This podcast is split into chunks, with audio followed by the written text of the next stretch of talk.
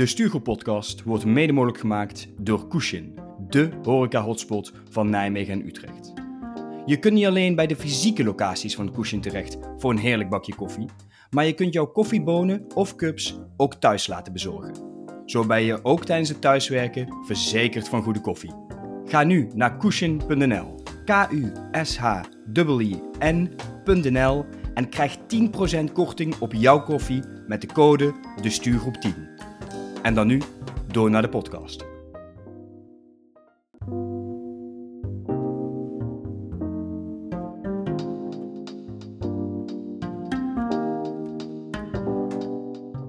Dit is aflevering 41 van de Stuurgroep podcast. Deze aflevering staat in het teken van roddelen op de werkvloer. Ik ben Koen en digitaal zit ik hier met mijn mede-stuurgroepleden Colin Dag jongens. en Melvin. Goed dat we er weer zijn. Vandaag hebben we het over of roddelen kan, wanneer het dan kan en hoe je ermee om moet gaan als het om je heen gebeurt. En mochten er toevallig collega's meeluisteren van ons, dan weten jullie na deze 20 minuten hoe we echt over jullie denken.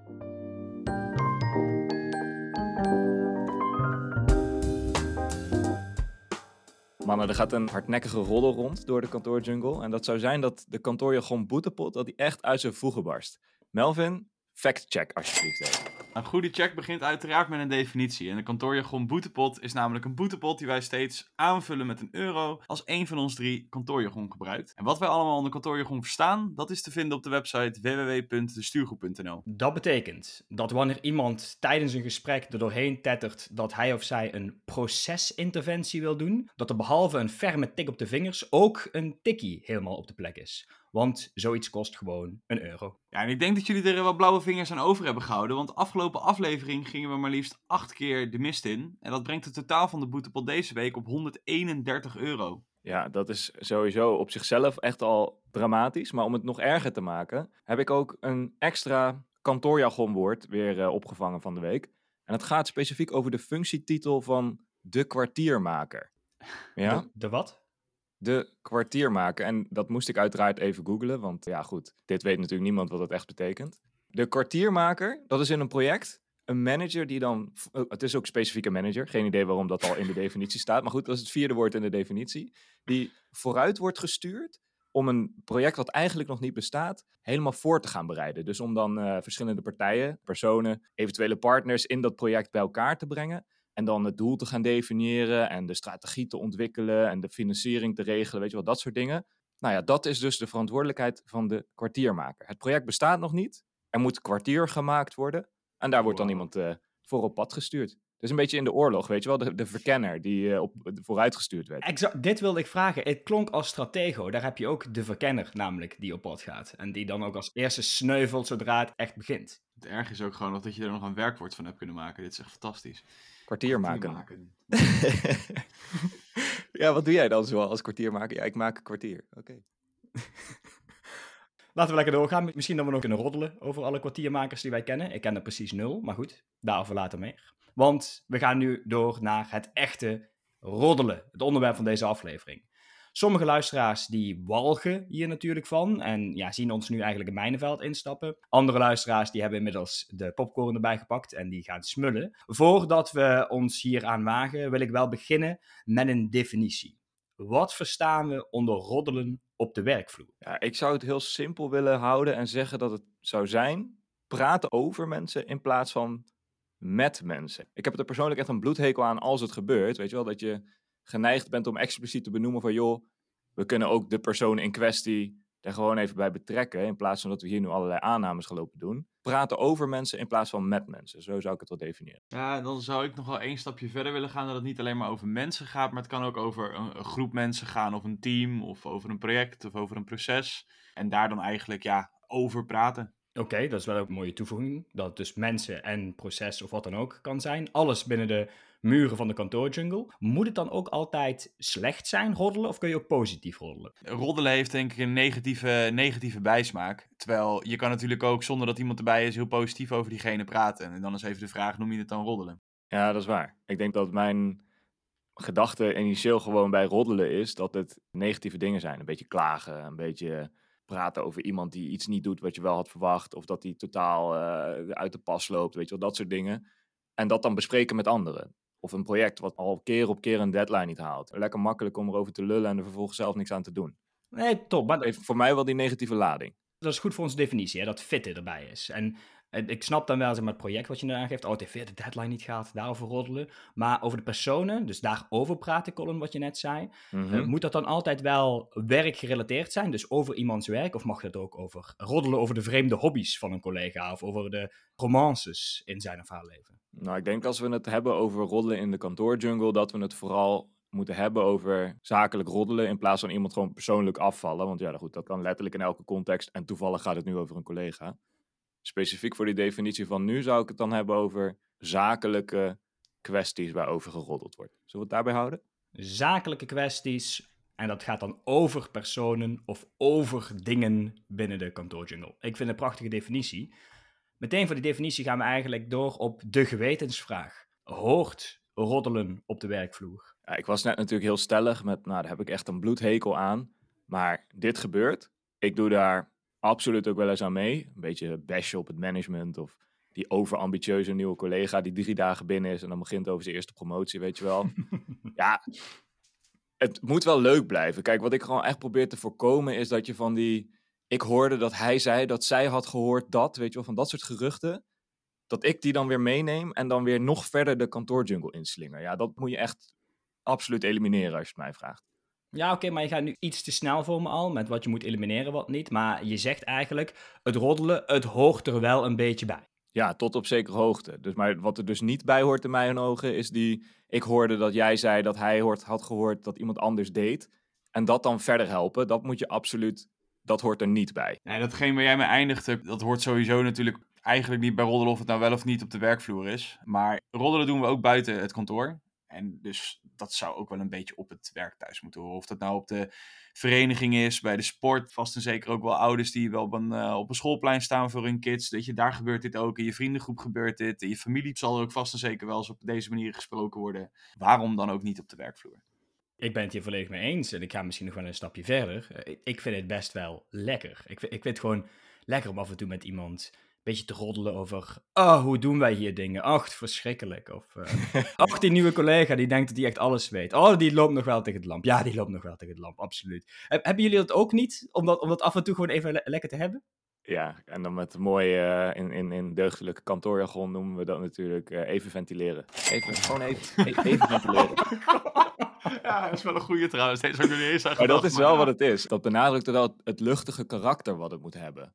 Maar is er ook een grens, zeg maar? Wat moet je absoluut niet doen? Nou, ik denk dat jij al die grens eh, in het begin aangaf. Ik heb van die gehoord dat die zei, dat die zei, zus en zus en zo. Ik denk dat je dat absoluut niet moet willen. Ja, en verder wend ik me toch even tot een man met meer jaren levenservaring en meer jaren roddelervaring. Ja, lekker dit. Volgens mij ligt de grens op het moment dat eh, als je het over iemand hebt of over een proces of iets dergelijks waar diegene niet bij zijn, maar dat je dat ook normaal gesproken niet zou doen als ze erbij zijn. Dat je zelf eigenlijk al aanvoelt van... Wow, dit is gewoon absoluut... dit is niet chic, nee, dit is ja, totaal precies. niet oké. Als diegene er nu bij zou zijn, had ik dit niet gedaan. Als Ja, dat het dit- geval is, precies. volgens mij ga je dan de grens over. Of dat je net diegene ook gewoon niet in zijn recht in zijn gezicht zou durven Exact, zeggen ja. van... hé, hey, hier zitten wij mee, hier, lopen wij tegenaan, hier lopen wij tegenaan. En natuurlijk hoort dan een beetje de achterkamertjesgesprekken, die horen er wel een beetje bij. Maar als het iets is wat je gewoon niet openbaar zou durven bespreken... dat het echt alleen maar in dat achterkamertje kan... dan moet je jezelf wel af gaan vragen van... "Mwah, misschien moet ik even een tandje... tan- een- hoe zeg je dat? Tandje bijsten? Tandje? Een tandje. Een stapje terugzetten. Oké, dit is wel dan enigszins duidelijk waar die grenzen zijn. Maar ik moet, eh, als ik naar mezelf kijk, hè, ik moet eerlijk toegeven dat ik ook wel... Ik heb wel momenten waarop ik makkelijker roddel. Ik vind het ook namelijk een beetje een vorm van bonding. Als je met iemand ook een beetje hierover samen zei. Het gedeelde smart is halve smart, zo zie ik het maar een beetje. Maar er zijn wel situaties waarin het wel veel makkelijker is om te roddelen. En waarin ik het ook stiekem zelf iets meer geaccepteerd vind.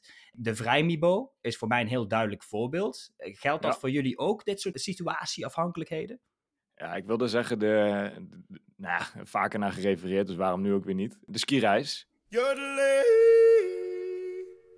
Dat is echt zoiets, daar ontstaan ook roddels, maar dan is iedereen ook een beetje in zo'n ja, in zo'n sfeertje dat er gewoon lekker een beetje geluld wordt over wat er het afgelopen jaar of de afgelopen periode allemaal gebeurd is. En dan passeert alles weer even de revue. En dat project wat maar niet van de grond afkwam. En die kwartiermaker die maar bleef stunten. En het project niet opgestart kreeg. Weet je wel, dat soort dingen. Dat is prachtig als dat even eh, op zo'n skireis besproken wordt. En dan is de situatie er ook wel naar. En dan is ook iedereen wel bewust van: hey, we zitten hier niet nu om compleet mensen af te fakkelen. Want dat is natuurlijk niet de gedachte. Maar gewoon lekker een beetje in die oude hoersfeer, weet je. Dan, dan, dat, leent zich perfect voor een beetje werkgerelateerd roddelen, als je mij. Je noemt dan wel de kwartiermaker natuurlijk met een knipoog. Maar over het algemeen vind ik het, wat jij ook al aangeeft het roddelen over het grotere geheel, dus niet over iemand specifiek, dat vind ik het mooiste. Ja, en bij, bij dat project, en ze hebben toch helemaal niet de juiste mensen, of te weinig mensen, of te veel geld, of te weinig geld, of te veel tijd, Precies. of te weinig... Iedereen ziet dat toch misgaan. Precies. Ieder, oh, die mensen zelf die zitten zo in, in, in die tunnel, met die tunnelvisie, die zien dat niet, maar iedereen omheen, je voelt het aan. Je ziet, ja, oh nee,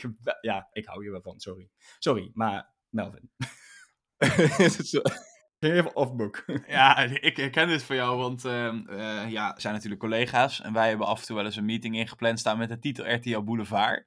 Ja. Dat je je bijna moet afvragen. Ik heb, wel, ik heb die wel eens op privé gezet. Gewoon om te voorkomen dat dit een heel aparte wending in je agenda krijgt als mensen dat zo zien. Precies. Maar dat gaat exact over hetgeen waar jij net over losging. Ja, dan kan je je ook voorstellen dat we die momentjes niet beperken tot een kwartier. Dat zijn rustig eh, vrijdagmiddagmomenten. Zeker in coronatijd dat je een uur lang met een biertje erbij voor je scherm dit met elkaar lekker aan het doen was. Even beschouwen. Zeker, zeker. Goede pot azijn ook altijd. Met, ja, Oh, heerlijk. Ja, dat is echt... eh, Op vrijdagmiddag dan loopt hij een beetje leeg zo voor de rest van de rest van de week. Ja, eh, ik kun je er ook weer tegenaan. zeker. Nu, nu we toch op de, de luchtige noot zitten, met dit toch wel zware onderwerp van roddelen. eh, waarover roddelen jullie nou echt het meest? Ik denk dat dat wel een beetje aansluit bij wat jij net zei. Je had het over het grotere geheel, maar het gaat denk ik vooral over processen en procedures en dit werkt niet, dat werkt niet, waarom werkt dat niet, hoe heeft dit kunnen gebeuren, waarom wordt daar geen keuze gemaakt, hoezo is dit kut geregeld, dat soort dingen, daar gaat het Tik- bij mij echt wel... gefrustreerd, eh, Melvin. Nou ja, ja, ik ga even helemaal mee in die emotie van Koen van net. Ik voel het echt alsof we weer even zo'n eh vrijdagmiddagmomentje hebben, maar... Je hebt net een biertje opengetrokken. Ja, precies.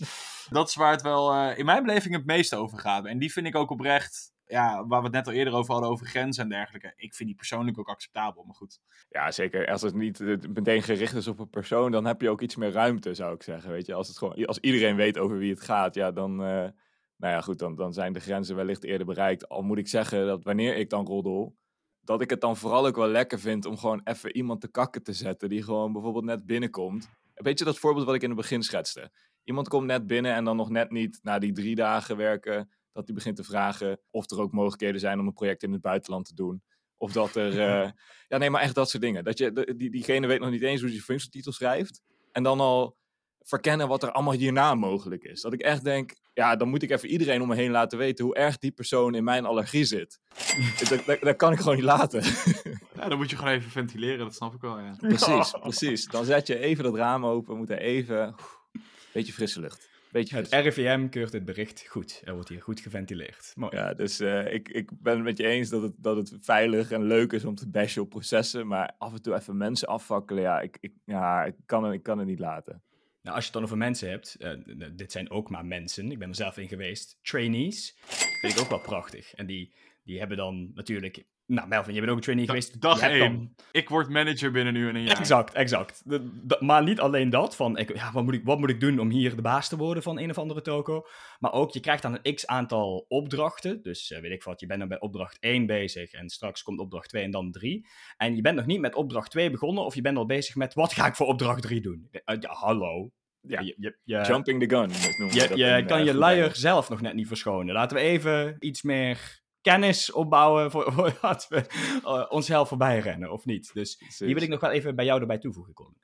Ja, absoluut. Ja, en we, we zeiden net al af en toe even klagen over het management. We hadden het in die aflevering over die sessies in de natuur. Ook over de- dat het lekker makkelijk is.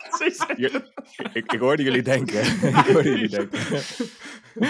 Nee, maar dat het lekker makkelijk is om te klagen over het, wat, het, wat het management allemaal niet goed, eh, goed doet. En dat ze geen idee hebben wat er speelt op de vloer. Weet je wel, dat soort dingen.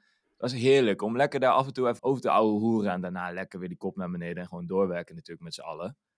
Tuurlijk. Ja, het, hoort er, hoort er gewoon een beetje bij. Zeker, en bij hoger management vind ik het ook leuk dat we dan, ik doe dit zelf ook heel makkelijk, maar je verwacht een soort van, eh, soort godlike figuren die daar dan zitten. Want zij ze zeg maar op negen dingen echt supergoed, dan vind je echt wel dat tiende punt om over te roddelen hoor. Geen, geen Uiteraard. zorgen, dat, dat Uiteraard. vinden we wel. Ja. Kleine moeite. Nou, ik ben blij dat we het roddelen wel heel luchtig hebben kunnen houden. En eh, als een onderdeel van de kantoorjungle toch hebben kunnen omarmen. Want of we het nu willen of niet, roddelen hoort er een beetje bij. Maar wat er ook bij hoort, bij een aflevering van de Stuurgroep podcast, is een tip om mee af te sluiten. Dus ik vraag me dan af, hoe zorgen we ervoor dat al dat roddelen, zeg maar dat luchtige wat we nu doen, dat dat wel binnen die lijntjes blijft en niet over die grenzen heen gaat, Colin, die jij eerder ook aangaf.